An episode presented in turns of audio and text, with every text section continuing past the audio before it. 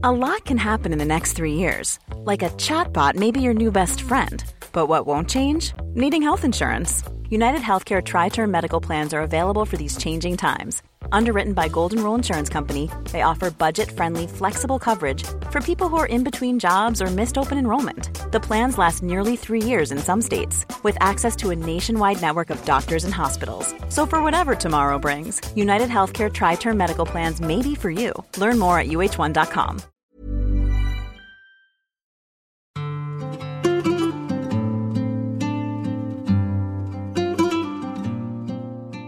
إن البيان الوزاري يتضمن الخطوط العامة التي ستسير عليها الحكومة في حال حظيت بثقة مجلسكم الكريم.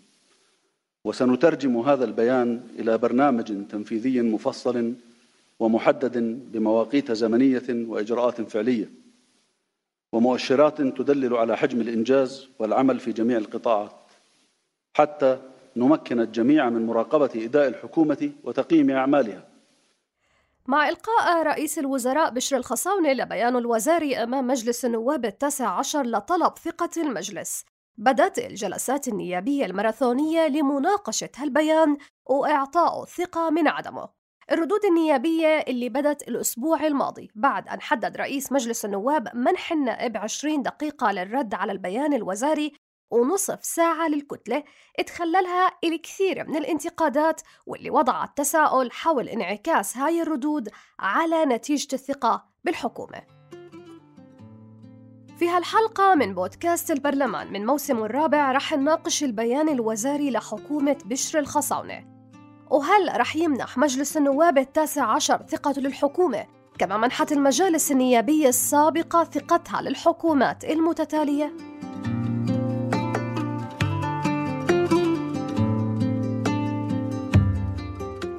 طرح الخصاونة عدد من المواضيع اللي رح تعمل عليها الحكومة وكان من ضمنها مكافحة الفساد وبأنه هالبرنامج رح يكون مش انتقائي بل ضمن نهج مؤسسي.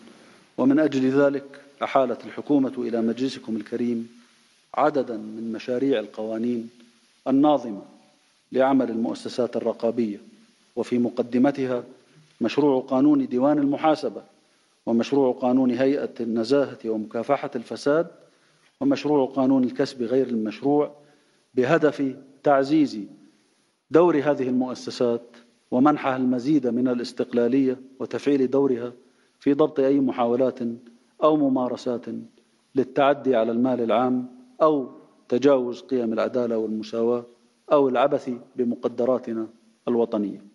أيضا الخصاونة ذكر حول كورونا بأن الحكومة تعاقدت مع شركة فايزر لشراء مليون جرعة من مطعوم كورونا وشراء مليوني جرعة أخرى من ائتلاف كوفيكس وهناك مساع لزيادة أنواع وأعداد هذه المطاعيم وهذه الجرعات وسيتم تقديمه للمواطنين مجانا ضمن خطة متكاملة ودقيقة وعادلة وشفافة تراعي إعطاءه وفق الأولويات والحاجات المتعارف عليها عالميا بدءا بهذا الربع الأول من العام الجاري.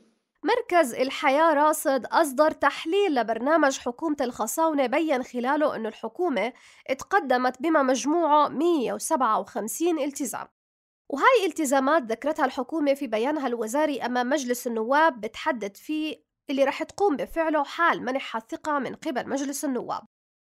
راصد قاموا بتحليل البيان لسبع محاور وجدوا بأنه محور تعزيز التنمية والخدمات كان الأكثر بعدد الالتزامات بواقع 88 التزام تعهدت فيها حكومة بشر الخصاونة تلاها محور الإصلاح الاقتصادي وبعدين محور الإصلاح الإداري ومكافحة الفساد ثم محور حقوق الإنسان ودعم القضاء وكان أيضا بعد محور دعم القضاء محور الشفافية والإعلام. ومن ثم محور الشؤون الخارجية وآخر محور كان المحور السياسي بالتزامين فقط. تواصلنا مع مدير برنامج راصد عمرو النوايسة لنعرف أكثر عن تحليل هالبيان. أعتقد الالتزامات الجديدة في البيان الوزاري هي المرتبطة بالحد من آثار جائحة كورونا وأيضا آه، المرتبطة بتطوير البنى التحتية الخاصة بمجابهة فيروس كورونا.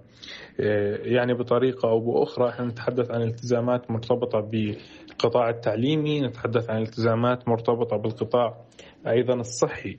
هذول القطاعين آه، عليهم تركيز كان كثير كبير في آه، شو اسمه أو الجديد في هذا الموضوع.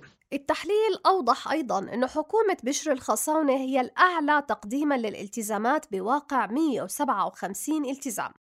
بينما كان عدد الالتزامات لحكومة الرزاز 80 التزام. أما حكومة الملقي فكان عدد الالتزامات 69 التزام وحكومة عبد الله نصور 85 التزام. أما حكومة الطراونة فقدمت 56 التزام في بيانها الوزاري.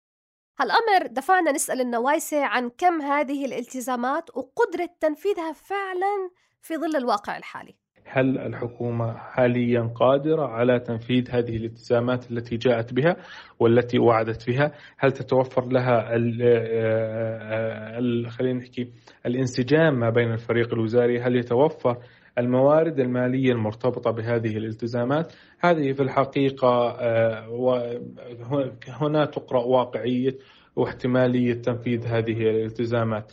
إذ لابد من آه، تنفيذ الالتزامات يجب أن يكون هناك خطة زمنية حقيقية لكل التزام. برغم كل الظروف يجب أن ترتبط هذه الالتزامات بجهة أن ترتبط بمؤشرات قياس ومؤشرات أداء وأيضا يجب أن ترتبط هذه بفترة زمنية محددة.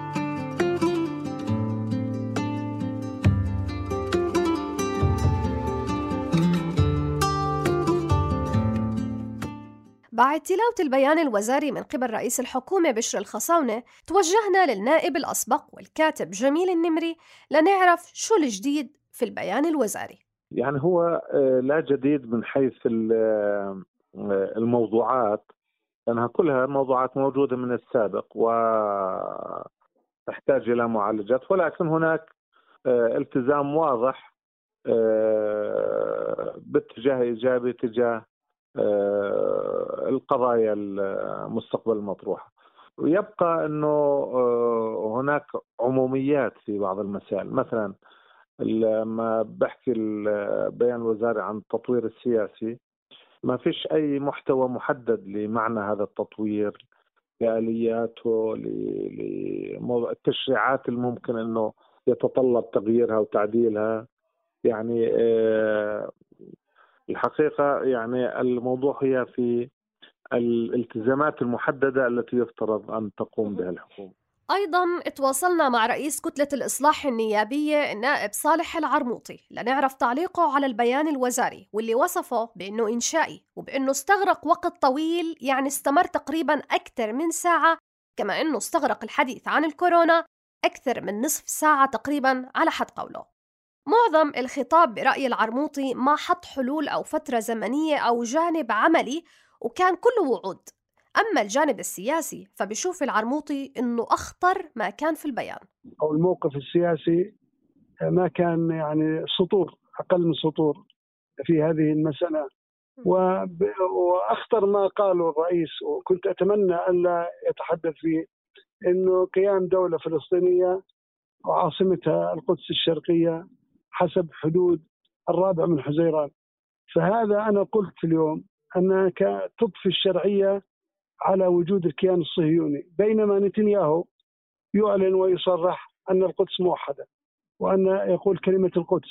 بينما نحن نقول القدس الشرقية والقدس الغربية كأننا نقول أن القدس الغربية مشرعنة للاحتلال. وأكد على قيام الدولتين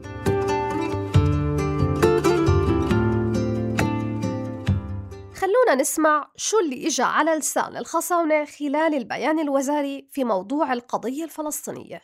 بذل كل الجهود لتحقيق السلام العادل المستند إلى قرارات الشرعية الدولية والمرتكز إلى حل الدولتين وقيام الدولة الفلسطينية المستقلة ذات السيادة والقابلة للحياة على خطوط الرابع من حزيران لعام 1967 وعاصمتها القدس الشرقية وهو الحل الذي لا بديل عنه ويؤيده المجتمع الدولي بأسره. كما وسنواصل التصدي لكل الممارسات والانتهاكات التي تمارسها سلطات الاحتلال الإسرائيلي ولكل محاولاتها الساعية إلى تغيير الوضع التاريخي والقانوني القائم في القدس الشريف وذلك من منطلق الوصاية الهاشمية التاريخية على المقدسات الإسلامية والمسيحية فيها. لكن السؤال اللي بيطرح مع وجود ما يقارب تقريبا 100 نائب جديد هل رح ينعكس هذا على مناقشة الثقة بحكومة الخصاونة أو نتيجتها؟ سألنا النمري فكان جوابه إنه وجود هذا الكم الهائل من النواب الجدد وبالتالي اللي إحنا ما بنعرف اتجاهاتهم ونواياهم قد يطرح فعلا علامة استفهام حول موضوع الثقة ستجد نفسها أمام خيار وحيد هو إعطاء الثقة خصوصا بوجود الجائحة والتحديات يعني الحرجة اللي بتواجه البلاد لا أحد يفكر في يعني خلق أزمة حكومية خصوصا أنه ما حدا عنده بديل يعني مقدمة أو أو طرحه ولم نصل إلى مرحلة الحكومات البرلمانية حيث يشارك النواب في اختيار رئيس الحكومة والطاقم الوزاري. ولذلك يعني بالنتيجة أنا أتوقع أنه أن تحصل على ثقة واسعة الحكومة. دفع مجلس النواب عام 1963 حكومة سمير رفاعي الجد لتقديم استقالته بعد ما كانت المؤشرات بتوضح أنه غالبية المجلس آنذاك ذاهب باتجاه الحجب عن هاي الحكومة. سألنا العرموطي إذا كان سيتكرر هذا السيناريو فكان جوابه. لن يتكرر. أنا أخشى أنه الحكومة تطلب تخفيض النسبة من الثقة. راح تحصل على ثقة كبيرة. مش متفائل أنا أن الحكومة يحجب عنها الثقة؟ سيكون عدد الحاجبين أعداد محدودة. يعني الرئيس تجاوز نسبة الثقة 80 أو 85 مش متفائل كثير. أما حول موقف كتلة الإصلاح في موضوع منح الثقة من عدمها للحكومة بيوضح لنا العرموطي. والله هذه يعني سابق الأوان. وإحنا سنضع شروطنا. إذا الحكومة حتى لا يكون واحد عدمي نضع الشروط. إذا الحكومة استجابت لهذه الشروط وأعتقد أنها لن تستجيب لهذه الشروط. عندنا عدد من الشروط. إذا الحكومة استجابت وأعتقد أنها ليس ليست صفة يعني هي الأصل صاحبة ولاية. بس لا تمارس ولايتها بموجب مادة 45 إذا مارست ولايتها واتخذت القرارات التي نعتقد انها خدمة للمواطن والوطن وتراعي ظروف المواطنين لأننا في ظل يعني سنة سننحاز إلى إلى الشعب ولن ننحاز إلى للحكومة.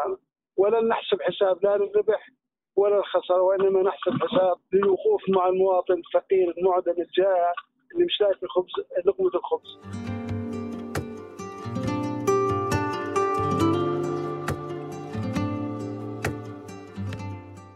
الردود النيابية على بيان الثقة بحكومة بشر الخصاونة بدأت فعلا الأسبوع الماضي واللي تحدث خلالها عدد من النواب وحمل عدد من الكلمات انتقادات عديدة وإشارة لملفات غابت عن بيان الثقة للحكومة. فمثلا بيحكي النائب علي الطراونة خلال رده على البيان الوزاري أنه حكومة الخصاونة تطلب الثقة وهي محملة بالتقصير وأضاف الطراونة أنه البيان الوزاري بيخلو من أي خطط حقيقية. دولة الرئيس ومن خلال الرئاسة الجليلة فإننا لم نشهد لا إصلاحا ولا تغييرا ولا إنجازا ولا نهضة. لم نخرج من عنق الزجاجة بعد يا دولة الرئيس. وهاجر من طلب من قتيبة البقاء. والآن جاءت حكومة تطلب الثقة معربة عن استعدادها عن تفهم مطالب الشعب. تجاوز مرحلة الفقر وهو يرزح بمجمله تحت نير آفتين ثنتين. خطيرتين هما الجوع وكورونا. أما النائب زيد العتوم فبدأ بمناقشة البيان الوزاري بأنه الجميع بيعرف أنه موضوع الثقة هو بروتوكولي وبدأت كلمته بسؤال مفتوح قائلا لماذا نحن هنا؟ واللي بيحاول من خلاله يلفت إلى أنه مجلس النواب لم يحجب الثقة عن الحكومات تاريخيا سوى مرة واحدة وبعدها تم حل البرلمان. كما أؤكد أنه حل نقابة المعلمين لازم يكون من خلال السلطة التشريعية. تغول جديد رأيناه خلال الفترة الماضية. تغول من السلطة القضائية على التشريعية. كيف يمكن لسلطة قضائية أن تحل نقابة قد تشكلت بموجب قانون؟ حل نقابة المعلمين يجب أن يكون من خلال السلطة التشريعية. فقط لا غير. السلطة التشريعية هي المختصة بإلغاء قانون نقابة المعلمين. إذا سمحنا بهذا الأمر بكرة بجوز يحلوا البرلمان بقرار محكمة صلح. لا يحل إلا بقانون.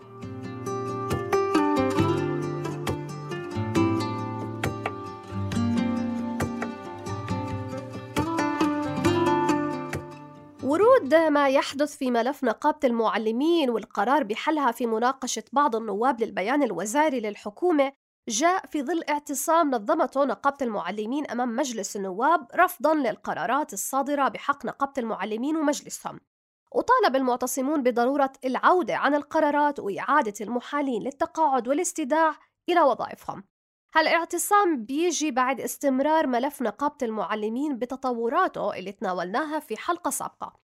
واللي كان آخرها قرار لمحكمة صلح جزاء عمان بحل نقابة المعلمين وسجن أعضاء مجلس النقابة لمدة سنة واحدة.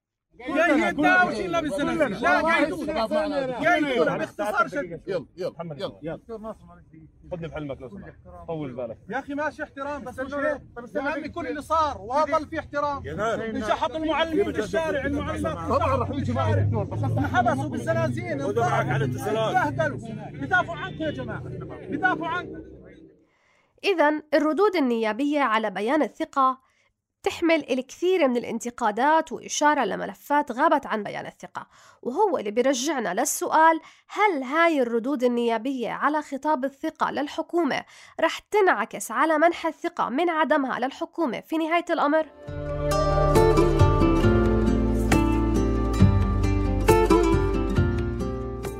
في نهاية هالحلقة من بودكاست البرلمان وبحسب المادة 63 من الدستور حسم البند السادس حصول الوزارة على الثقة إذا صوتت لصالحها الأغلبية المطلقة من أعضاء مجلس النواب.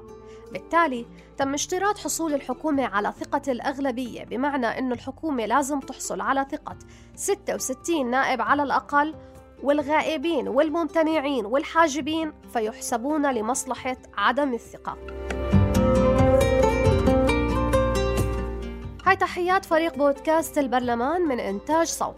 حسان مهرة من الإخراج الصوتي. من التحرير صابرين طه. بيان عروري من البحث. كنت معكم في الإعداد والتقديم هبة عبيدات.